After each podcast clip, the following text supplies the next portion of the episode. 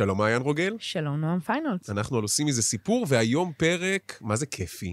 על גיבורים ועל נבלים. עכשיו, זה כאילו פרק על גיבורים, אנחנו מסכימים שנבלים זה יותר כיף, נכון? ברור שנבלים זה יותר כיף. אז מי הרע הכי טוב מבחינתך? אך, לי יש רומן ארוך שנים עם חניבעל לקטר. A census taker once tried to test me. I ate his liver with some fava beans and a nice Chianti. אין, אין שום דבר שמשתווה לחיוך הקטן והמניאקי שלו, שהוא מספר על הסוקר שהוא אכל את הכבד שלו עם הפאבה בינס והקיאנטי. עם הרעש הקטן הזה, זה היה חיקוי טוב מדי. נכון? כן. לא, גם את אמרת רומן תוך כדי חיוך, זה כמעט נשמע רומן רומנטי איתו. זה קצת התאהבות, כן, יש שם עניין כן? של קראש, ברור. אנחנו נדבר על זה בהמשך. מה שלך? שלי זה מצחיק, קייזר סוזה, או... החשוד המיידי, The greatest trick the devil ever pulled was convincing the world he didn't exist. קווין כן. ספייסי, לפני שידענו שהוא יותר גרוע מהדמות שהוא שיחק. אז זה יפה, כי אתה, הוא כל הסרט, אתה לא יודע מי זה, זה רק איזה שם, שמישהו שלא ראו אותו, ולא יודעים מי הוא ומה הוא, זה אגדה כזו של רוע, ואז בסוף אתה מבין שזה האיש שחמלת עליו כל הסרט, הפושע הבינוני הזה, שיוצא החוצה מהמשרד ומפסיק את הצליעה שלו ומתחיל ללכת. הדבר המדהים הוא שכשראיתי פעם ראשונה את החשוד המיידי, הייתי עם חברים בסינמטק, היינו צעירים, וזה היה בלילה, הקרנה שהתחילה ב-11, התחיל הסרט, נרדמתי. עכשיו, התעוררתי בסוף, החברים שלי המומים, כולם כאילו בשוק, ואני התעוררתי, לא ידעתי מה קרה. ורק כמה שבועות אחרי זה הבנתי מה, מה קרה שם. אז שלי זה קייזר סוזה, זה החשוד. אבל. רגע, הוא הנבל, או שהוא הגיבור, או שהוא המנטור? מה, מה התפקיד שלו בסרט בעצם? איזה הכנה לפרק. מתחילים? מתחילים. עושים מזה סיפור. עם מעיין רוגל ונועם פיינולס.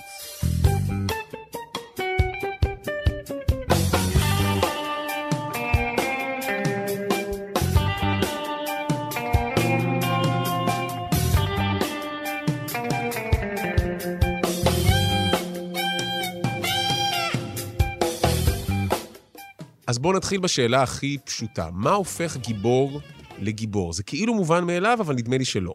תראה, הקונספט הזה של גיבור, של הפרוטגוניסט הזה, הוא בעצם הדמות המובילה. הוא הדמות הכי חשובה, הוא הדמות שסביבה נרקם כל הסיפור. אפילו יותר מזה, זה הדמות שכשהיא תמות, לא יהיה סיפור. זאת אומרת, זה, זה איזשהו מבחן מאוד מאוד פשוט. במקור, הדמות הזאת של הגיבור הייתה דמות שיש לה רצון שגדול יותר ממנה. כשאנחנו מדברים על, על סיפורים, יש את המושגי יסוד האלה של רצון ומעצור. זאת אומרת, אין לנו גיבור, אין לנו סיפור אם מישהו לא רוצה משהו, ואין לנו סיפור אם אין משהו שמפריע לו להשיג את זה.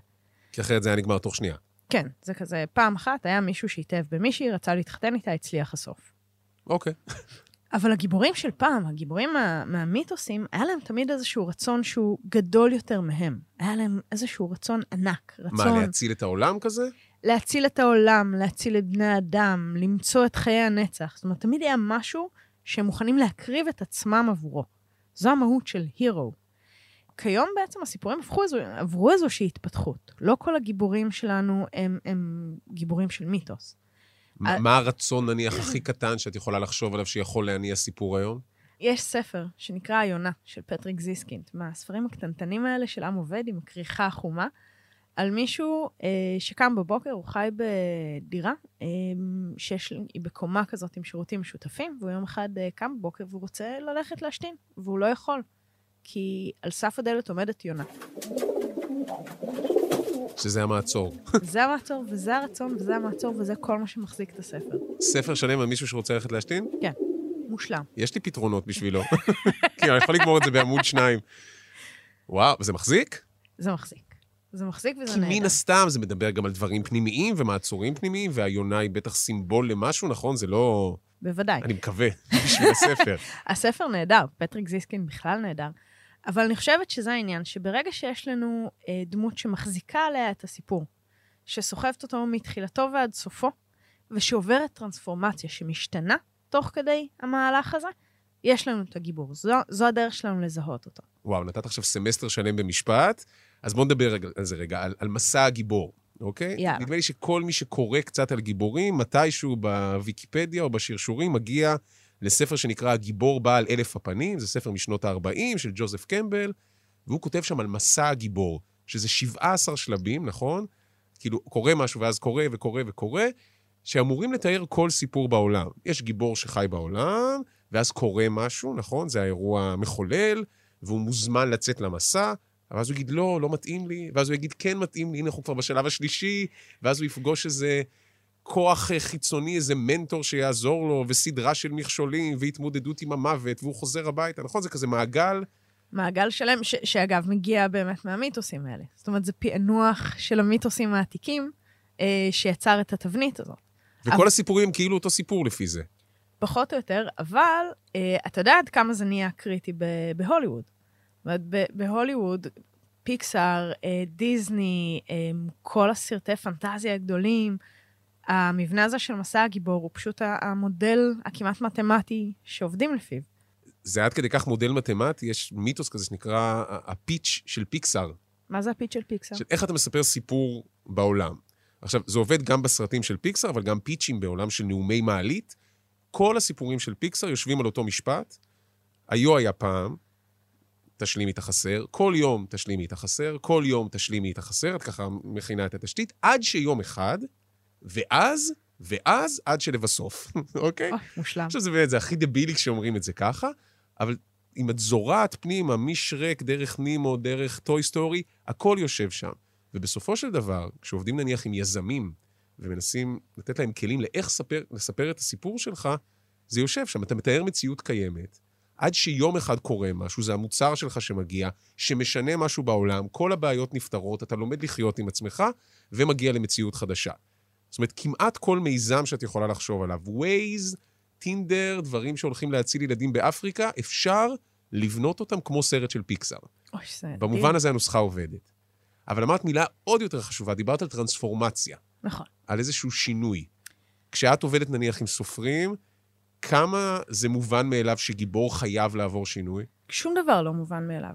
התהליך הזה של להתחיל להסתכל על סיפורים שאנחנו כותבים דרך העיניים של סיפורים שאנחנו קוראים, הוא תהליך מאוד מורכב. זאת אומרת, להצליח להבין שכמו שאני יכולה לשבת ולפענח סיפור שקראתי, לזהות בתוכו את המבנה, את המהלכים, את הרצונות, את המעצורים, את כל התפקודים האלה בתוך העלילה, אני יכולה, וכדאי, שאני אעשה את זה בתוך הסיפורים שלי.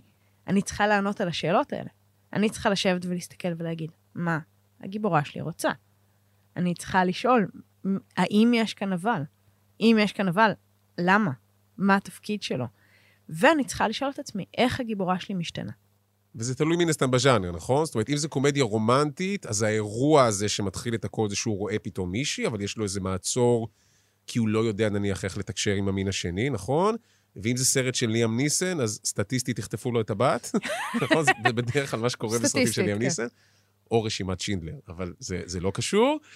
ואם זה סרטי חייזרים, אז פתאום תנחת חללית, ומישהו שכבר פרש מהשירות שלו בצבא, הוא יהיה זה שיציל את היום ויתמודד עם הפחדים שלו. זה תמיד משהו בין משהו גדול שמגיע מבחוץ, לבין איזה שינוי פנימי שצריכים לעבור, נכון? איזושהי השתנות של אופי, של התמודדות עם איזושהי פסיכולוגיה עקומה. תראה, יש כאן איזושהי מתמטיקה שאני מאוד, אה, מאוד אוהבת להשתמש בה, שבאה ואומרת, אני, המאורע המחולל, מה שמתחיל את הסיפור בעצם, מייצר רצונות חדשים, מייצר עלילה חדשה, צריך להיות מותאם לגיבור. אם אני אביא מאורע מחולל גדול מדי על גיבור חלש מדי, הוא פשוט ימות. זאת אומרת, אם יש לי איזה מישהו מין גיבור שברירי, עדין, שהחיבור שלו, אתה יודע, הוא, כזה רעוע לעולם, הוא חולמני, זאת אומרת, גג רגיש. תביאי לו יונה שתפריע לו גג. להגיע לשירותים, ולא חייזר. כן, כי אם תביא חייזרים, הוא יהיה הראשון שימות, ואז כאילו אין לך סיפור. זאת אומרת, אנחנו דואגים להביא את המאורע המחולל, אה, הקטן ביותר, שיכול להזיז את הגיבור שלנו. זה טוב. המשחק. אז, אז זה ממש מוביל אותי לדבר על, ה, על הגיבור שעובר את השינוי הכי מדהים שאני מכיר, ושינוי בסוף זה עניין של כימיה.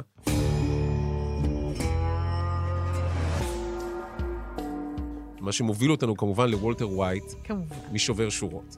שאם יש סדרה שהיא סדרה על כימיה, ועל שינוי ועל טרנספורמציה, ועל גיבורים ונבלים. ועל גיבורים ונבלים, ומנטורים. לגמרי, זה שם. עכשיו, קודם כל, וולטר ווייט, נגיד, אותו מורה לכימיה שמגלה שיש לו סרטן, ואז עושה את הדבר הטבעי, פשוט לייצר סמים כדי לדאוג לזה שגם אחרי מותו, ועם פנסיה עלובה של משרד החינוך, יהיו דברים שישאירו את המשפחה שלו בחיים, וזה באמת גיבור שהופך לנבל. איפשהו בעונה השלישית או הרביעית הוא לגמרי ה bad guy. יש את הרגע הזה שהוא עומד מול סקיילר, מול אשתו, והיא נורא מפחדת שיום אחד ידפוק מישהו בדלת. הוא אומר, אני זה שדופק בדלת. I am not in danger, Skyler. I am the danger. A guy opens his door and gets shot, and you think that of me? No. I am the one who knocks.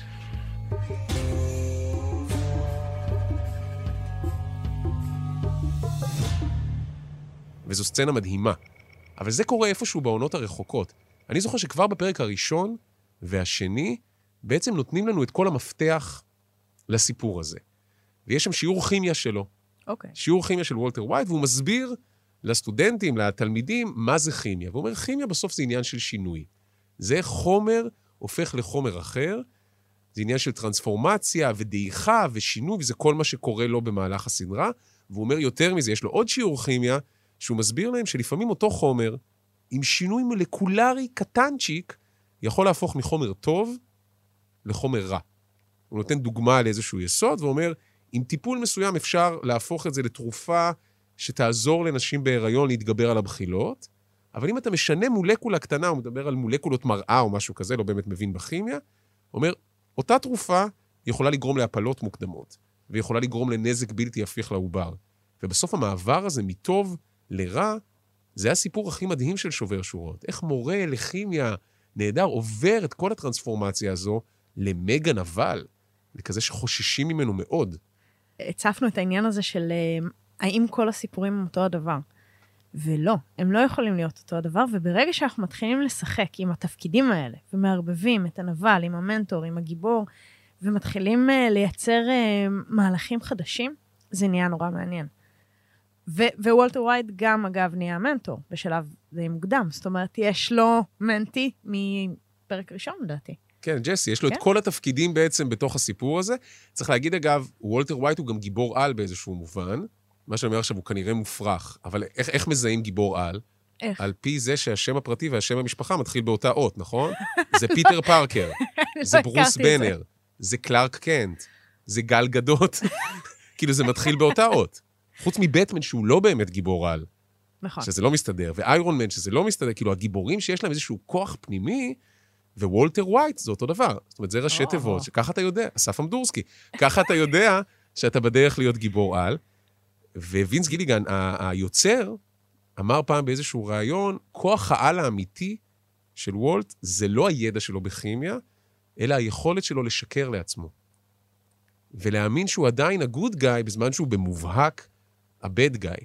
ופה יש איזשהו מתח. אז בואו בוא רגע נדבר על איך בעצם גורמים לנו לאהוב גיבור, גם אם הוא אחר כך יהיה bad guy. זאת אומרת, מה צריך לקרות כדי שאיך שאני רואה אה, אה, דמות, אני אזהה בה את הגיבור ואוהב אותה. לא משנה מה היא תעשה. אז אני אגיד שקראתי לא מזמן ספר שנחשב התנ"ך של התסריטאים, ואם זה התנ"ך של התסריטאים, יש לנו בעיה. אני אגיד, זה ספר שנקרא הצילו את החתול של בלק סניידר, שהוא באמת bible כזה של איך כותבים לטלוויזיה ולקולנוע. צריך להגיד, היית מצפה שמי שכותב את התנ"ך יהיה מישהו שכתב תסריטי מופת. מדובר באדם שכתב את התסריט של הסרט עצור או שאימא שלי יורה, עם סילבסטר סטלון. כאילו, אבל הוא באמת, הוא מכר מאות תסריטים. והוא מנסה להסביר פה איך גורמים לך לאהוב גיבור, והכותרת של הספר, הצילו את החתול, זה בדיוק את זה. הוא אומר, איפשהו בתחילת הסרט, אתה צריך שהגיבור שלך יציל חתול. עכשיו, זה לא חייב להיות ממש ללכת לחתול ו- ולתת לו חלב, יעשה משהו טוב שהוא לא חייב לעשות. נניח הוא מדבר על סרט עם אל פצ'ינו, ים של אהבה, שמתחיל באיזה סצנה כזו, שהוא שוטר שמגיע למשחק בייסבול, לעצור חבורה של פושעים שם, והם עוצרים כמה אנשים, ואז הוא רואה עוד פושע שמגיע מהחבורה, אבל הפושע מחזיק יד לבן שלו. כשאתה הולך לעצור עכשיו את האדם הזה מול הילד שלו, זה הולך לצלק את הילד לכל החיים, אז אל פצ'ינו כאילו אומר לו, ראיתי אותך, אבל תלך. והוא לוחש לו, אני אתפוס אותך אחר כך. אבל הוא כאילו, הוא לא מביך אותו מול הבן. וברגע הזה הוא קנה אותך. אתה אומר, אוקיי, הוא, הוא גוד גאי, יש בו משהו זה טוב. לא סתם מעשה טוב, זו חמלה. זו זאת- חמלה לגמרי. זאת אומרת, ברגע שאנחנו רואים את הגיבור שלנו מגלה חמלה כלפי מישהו, כלשהו, אנחנו איתו. עכשיו אנחנו יכולים לשאת את זה שבמקומות אחרים הוא יהיה חרא מוחלט. נכון, אני אגיד שחשבתי על להצילו את החתול הזה, ניסיתי לחשוב האם יש באמת סרט שהוא אשכרה עם חתול או שזה שטות, ואז ראיתי השבוע סרט שנקרא Nobody, לא, סתם לא אחד? אוקיי. סרט משונה כזה על אדם שהוא איש משועמם שעובד במשרה משעממת, ואז יום אחד מסתבך באיזה משהו, פורצים לו הביתה, גונבים את הדובי של הילדה שלו, ואז הוא יוצא במסע נקמה מטורף, והולך לתפוס את כל האנשים, מסתבר שהוא איזה סוכן CIA או משהו כזה, אוקיי? עכשיו, הסרט מתחיל בזה שרואים אותו בחדר חקירות, חבול לגמרי, מדמם, אזוק, אתה לא יודע אם הוא הגוד גאי או הבד גאי, זו התמונה הראשונה, אבל כשהמצלמה מתרחקת, רואים אותו מלטף חתול, אוי, ונותן. לחתול לשתות. אתה אומר, אוקיי, אני אני לא. יודע אם הוא רצח אלפים, אבל לפחות את החתול הוא אוהב. יש את זה גם ב-The Incredibles, משפחת סופר-על. שמה? שאשכרה הסצנה הראשונה, מר סופר-על יוצא לאיזו משימה נורא גדולה, אבל אז עוצר כדי להציל איזה חתול. מילולית הוא עוצר להציל. אז זה ממש עובד. כן, כן. אוקיי, אז זה טיפ לכותבים שבינינו, אוקיי? תמצאו איזשהו חתול, כלב אם אתם אלרגיים, אבל משהו שאפשר להציל. אמרת קודם שסיפור נגמר כשהגיבור מת. נכון.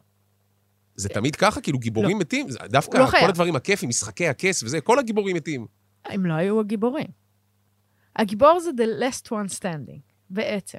תראה, ברגע שהגיבור שלי מת, לא מעניין אותי מה קרה אחר כך. לא אכפת לי. אני יכולה לקבל איזשהו, אה, אתה יודע, aftermath קטן כזה של אחר כך, אבל אין עוד סיפור. אלא אם כן הוא חוזר מהמתים, וזה כבר ז'אנר מאוד מאוד ספציפי. לגמרי, אוקיי.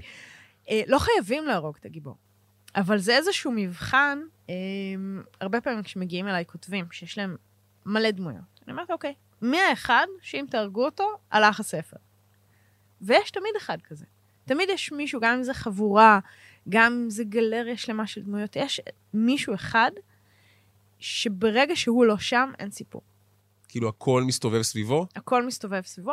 אנחנו לא חייבים להגיע עד למוות שלו כדי לסיים סיפור. למעשה, רוב הסיפורים לא מגיעים כל כך רחוק. רגע, אבל, אבל משחקי הכס, סליחה שאני מתעקש על זה.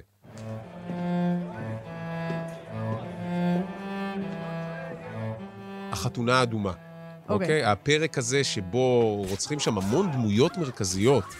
אוקיי, פרק שטלטל את כל הצופים. אנחנו זוכרים המון סרטוני וידאו של reaction video, שמצלמים את הצופים, צופים ברגע הזה, וצורחים בזעקות שבר וקופצים על הספה, כי הרגו להם את הגיבור, הרגו להם את מרכז הסיפור מבחינתם. אבל מעולם הוא לא היה הגיבור. זה בדיוק העניין. זה מי, מי- אז מי. הגיבורה? זה גיבורה כנראה, אריה. נכון? זה אריה. זה? זה בסוף הסיפור שלה? אתה יודע שבימי צילומים אחרונים, אז כל אה, שחקן שסיים את התפקיד שלו העלה פוסט לטוויטר. והיא העלתה אה, תמונה שלה וכתבה last one standing. הופה. זה היה אחד הספוילרים הכי כאילו גדולים זה לעונה. ספוילר איום ונורא. ספוילר איום ונורא, אבל זה זה. כי היא נשארה עד הסוף, והיא הייתה שם לאורך כל הדרך, והיא עברה את הטרנספורמציה הגדולה ביותר, אם תחשוב על זה לעומק. מעניין. אני נזכר רגע בסרט שבו כל הכוח שלו זה זה שהגיבורה האמיתית שלו מתה.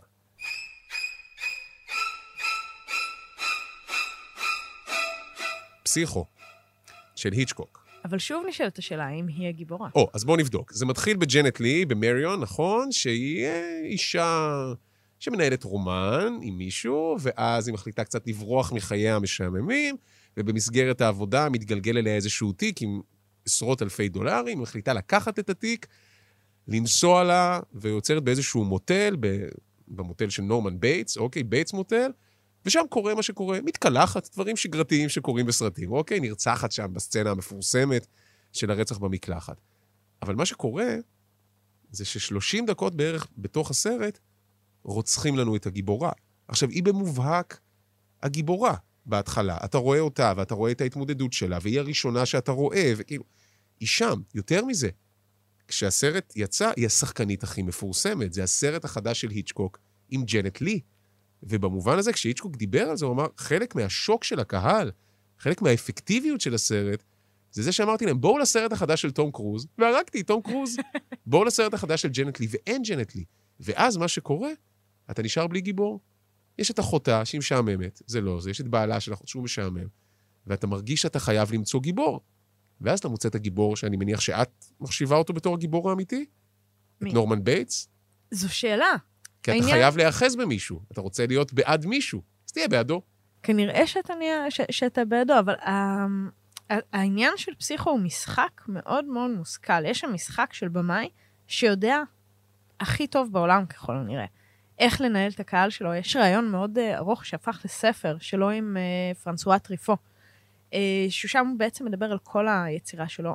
הבן אדם מבין לעומק את מערכת היחסים שלו עם הקהל. הוא אומר שם באיזשהו מקום, אני ניגנתי על הקהל שלי כמו שמנגנים על עוגב. יפה. והוא דיבר על זה שבפסיכו הוא עשה את זה במתכוון. הוא רצה לשבור את האמון הזה, הוא רצה לשבור את התבנית הזאת. אה, וזה עבד. לא, זה עכשיו- עובד לגמרי. אני אגיד לך איך ידעתי על עצמי שזה עבד. כי יש רגע, אתה אומר, אוקיי, הוא הרוצח. אני כבר מבין שהוא הבד גאי. בהתחלה אולי אני לא יודע שהוא הרוצח, הוא הבן של האימא הרוצחת שהוא מנסה... זה כאילו ספוילר בין 200 שנה, אבל נשאיר את זה ככה, נשאיר את זה ערפילי. ויש קטע שהוא לוקח את הגופה שלה, והוא מכניס אותה למכונית, לתא מטען, והוא דוחף את המכונית לביצה כזו, ואז המכונית לאט לאט שוקעת, ופתאום היא מפסיקה. כאילו עדיין, השפיץ שלה עדיין נראה בחוץ. עכשיו, בן אדם סביר, מוסרי, כצופה אומר, וואי, הלוואי שהיא לא תשקע. כי אז יבואו השוטרים ויתפסו אותו וימצאו את הגיבורה שהרגו לי. אבל אין אף בן אדם סביר בקהל שרוצה שזה מה שיקרה. כולם אומרים, יאללה, שתשקע, שתשקע, שהוא יצליח. אתה נורא נורא בעדו. כי כשאנחנו בונים את הנבלים שלנו ממש טוב, הקהל שלנו בעדם. זאת אומרת, זה, זה קורה לנו המון, זה לא רק איתו, עם נורמן בייטס. אם תחשוב על הסרטים, באמת, עם הנבלים הראויים, כשאנחנו רואים את שתיקת הכבשים, כל מה שאתה רוצה זה שחניבעל לקטר יצליח להימלט משם. כשאתה רואה את אה, אה, האפל, אתה כל כולך בעד הג'וקר. זאת אומרת, אנחנו בעד הנבלים, והם בנויים ככה במתכוון. אז בואי, איך בונים נבל? מה הופך נבל לנבל טוב? חוץ מזה שהוא רע וחכם. יש כל מיני אה, אה, כלים כדי אה, לבסס את הדבר הזה. אני חושבת שהחקירה האישית שלי על הכלים האלה התחילה אי שם אה, בתיכון. עשיתי עבודת גמר בקולנוע שכמעט העיפה אותי מהתיכון ריפיטדלי, על מה? על הרצה של רוצחים סדרתיים, ואיך זה משפיע על בניית דמויות רוצחים בקולנוע. אני מדמיין את המכתב להורים. היו כמה טלפונים, היו כמה טלפונים. אימא של מעיין, רציתי לשאול, מה, מה קורה בבית? האם מעיין תקינה? שאלה נהדרת, האם מעיין תקינה.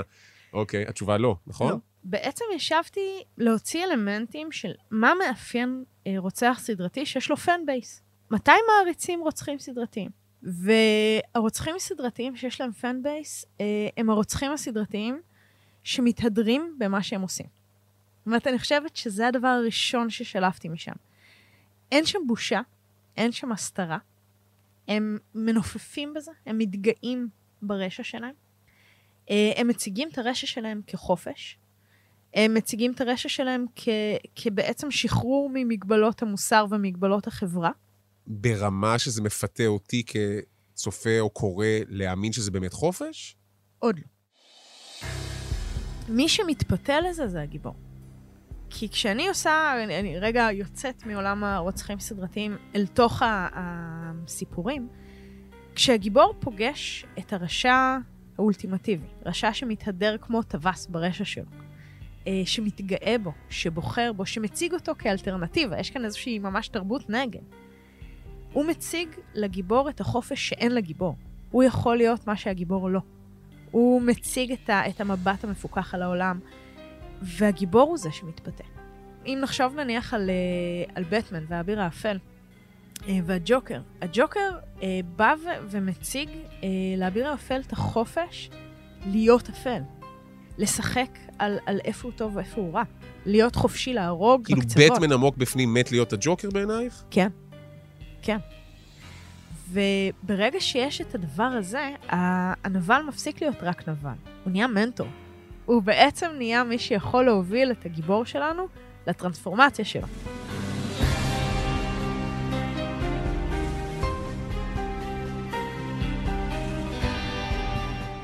רק שזו טרנספורמציה הלא נכונה באיזשהו מקום. אבל עוד לפני המנטוריות הזאת, לפי מה שאת אומרת, ונדמה לי שזה תופס תמיד, הגיבור והנבל, יש ביניהם משהו דומה.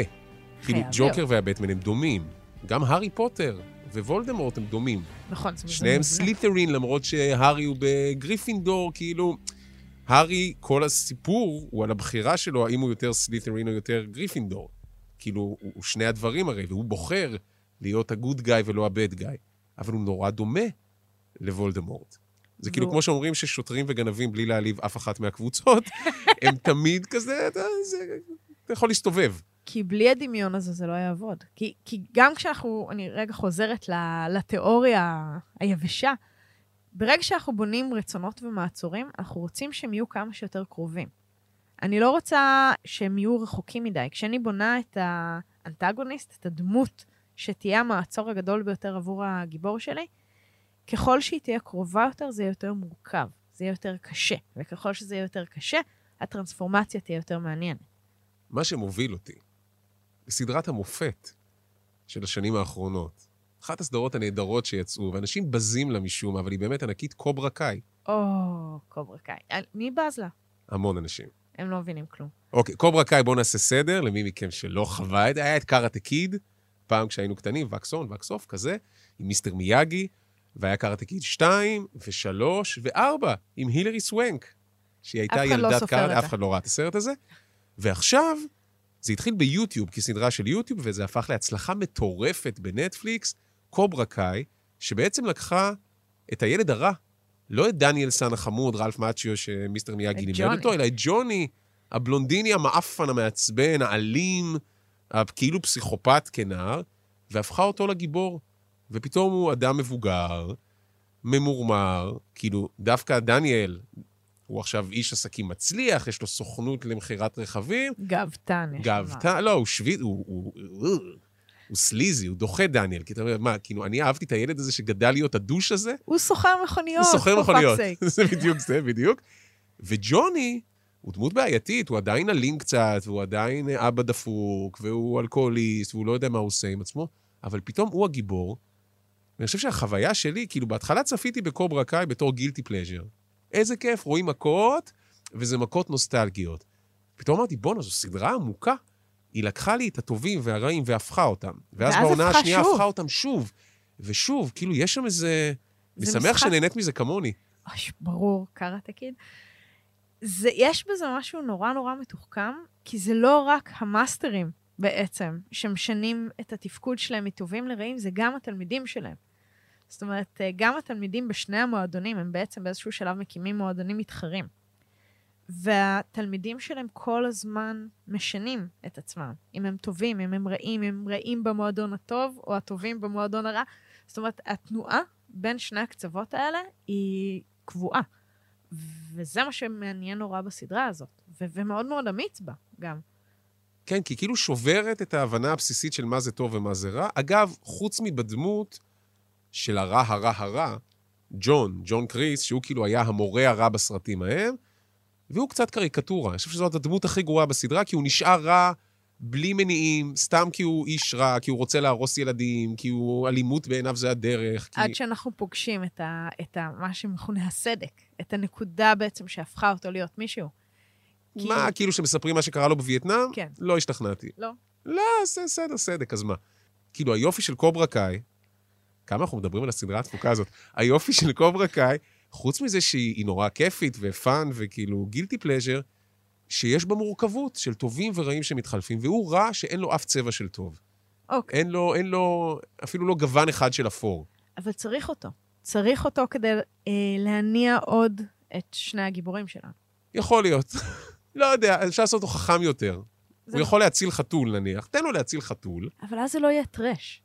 סבבה, אוקיי. אז תקשיבי, דיברנו על גיבורים. יש להם מעצור ויש להם רצון, ופעם המעצור היה להציל את העולם, ועכשיו זה יונה בדלת. ודיברנו על נבלים, שהם צריכים לעוף על הרוע שלהם ולמכור איזשהו חופש, אבל יש כאן איזשהו משולש, שזרקנו אותו כל הזמן, אבל בואי שנייה נעצור עליו. יאללה. גיבור, נבל ומנטור. נכון? מנטור זה ההוא שברגע הנכון פוגש את הגיבור בתוך המסע שלו, נותן לו או כלי פיזי או כלי רוחני שעוזר לו להתמודד עם המכשולים. וכשדיברת על חני בלקטר, אמרת, קודם כל, הוא לא הרע של הסרט. הרע זה ההוא שרוצח את הנשים, ביל. ביל. מנטור טוב, יודה כזה, דמבלדור, אוקיי? מה הופך מנטור למנטור טוב בתוך המשולש הזה? כי בסוף אנחנו הכי אוהבים את יודה. לוק סקייווקר משעמם, ודארת ויידר יש לו שיקחקח בגרון. דבר ראשון, המנטור הוא היחיד שיש לו את המבט הכולל על העולם, שמבין איך הדברים עובדים, ואנחנו אוהבים אותו כשהוא לא מגלה את הכל על ההתחלה. זאת אומרת, כשיש לנו מנטור שמההתחלה פשוט פורס, העולם בנוי ככה, אתה שומע? זה על הפנים. אבל כשהוא משחק, כשהוא אה, מוביל את, ה, את הגיבור לכלים האלה, שאתה דיברת עליהם, דרך זה שהוא מאתגר אותו, שהוא מקשה עליו, שהוא בונה אותו, שהוא שובר אותו, או במקרה של יודה פשוט מנסח משפטים לא נכונים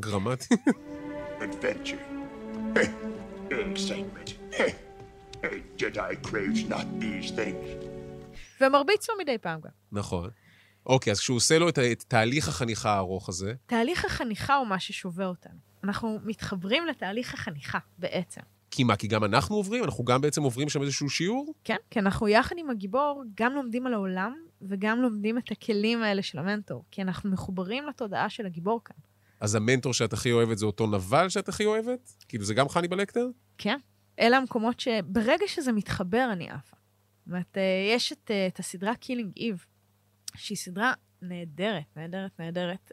עכשיו אני חושבת בעונה השלישית או רביעית, ששם הם, הם עשו עוד יותר. זאת אומרת, הנבלית היא המנטורית, המנטורית האפלה, והיא גם אה, דמות האהובה של הגיבורה. זאת אומרת, היא גם וגם וגם, וזה כל כך דפוק ומורכב, שאי אפשר שלא לעוף על זה. וצריך להגיד, אנחנו מנסים בפודקאסט הזה לשרטט חוקים, איך פותחים, ואיך מפחידים, ואיך מרגשים, ואיך בונים גיבור. הסיפורים הכי כיפים הם אלה שבהם זה מתרסק, ברור. ובהם זה משתנה. ותוך כדי העבודה על הפרק הזה נזכרתי בסרט שהוא תמיד היה אחד הסרטים שהכי אהבתי, ללכת שבי אחריו. שהוא באמת, הוא בתדר אחר לגמרי מכל הסרטים שדיברנו עליהם עד עכשיו. נכון. רובין וויליאמס, בתור מורה לספרות, מיסטר קיטינג, והוא מורה מדהים.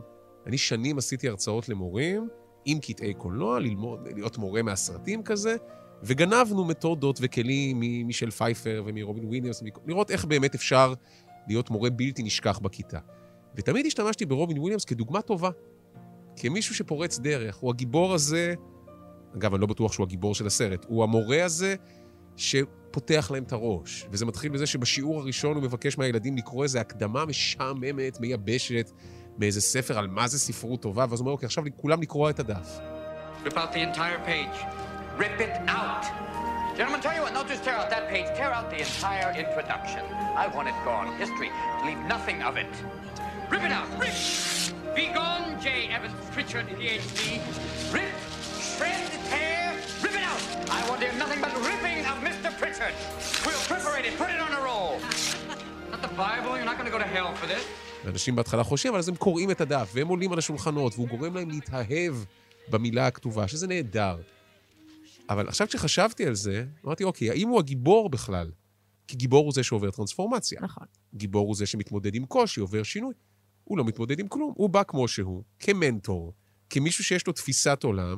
הגיבור הוא הנער, ניל, הוא כזה ילד של אבא, הוא לא באמת ילד של אבא, אבל הוא כלוא בתוך עולם הערכים של אבא, והוא יודע שיש לו קריירה מובהקת, ואסור לו עכשיו לחשוב על כתיבה ועל שירה ועל דברים של רוח, כי הוא צריך להיות רציני, ופתאום באה הסופה הזו לתוך חייו, רובין וויליאמס, המורה הזה, שהוא גם מנטור בעייתי, הוא גם כמו חני בלקטר, כי הוא שובר את כל מה שאבא אמר, ומתחיל להיות איזשהו מאבק כזה בין תפיסות עולם, ואיפשהו בשני שליש הסרט, ספוילר, ספוילר, ספוילר, הילד מתאבד. כי הוא בדחיפה של המורה הולך להשתתף באיזה הצגה, ואבא שלו רואה אותו, ולוקח אותו הביתה, ואומר, אתה מפסיק ללמוד בבית הספר הזה, אני שולח אותך לפנימייה צבאית, והוא נקרע בין שתי תפיסות עולם, והוא פשוט מתאבד ושם קץ לחייו, ואז מפטרים את המורה. עכשיו, בסוף זה מתחיל ונגמר במורה, אבל אני בכלל לא בטוח, א', שהוא מורה טוב, לא בטוח שאני רוצה מורה כזה לילדים שלי.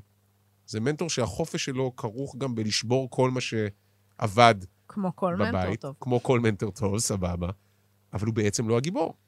ככל שזה יותר אה, מטושטש, ככל שזה יותר מורכב, ככה זה מעורר בנו רגשות יותר מורכבים. זאת אומרת, אה, הסיפורים הנורא מובהקים, שאנחנו נורא נורא יודעים מי הגיבור, מי הנבל, מי המנטור, מה התפקיד שלהם, אה, משאירים אותנו בלי הרבה מטען רגשי. זה כיף, זה סבבה, כי אתה יוצא משם אחלה.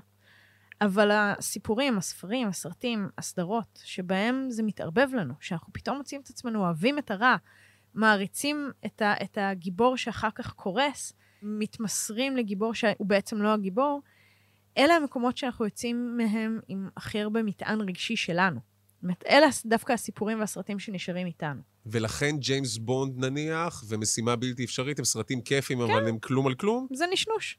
זה נשנוש. זה נשנוש. אני בטוח שתום קרוז כרגע שולח עליך את כל כוחות הסיינטולוגיה. מי זו זו שאמרה עליי שאני נשנוש? נשנוש. לא, כי הם, הם כמו גיבורים של משחקי מחשב. כן, לא הם קורה לא להם עוברים כלום. איזשהו שינוי, אין איזה קושי. איתן האנט יודע שלא חשוב מה יקרה, הוא יצליח לתפוס, לקפוץ על המסוק. אגב, גם תום קרוז יודע ספציפית שלא חשוב מה יקרה, הוא יצליח לקפוץ על המסוק, כי הוא משוגע ועושה את כל הפעלולים בעצמו.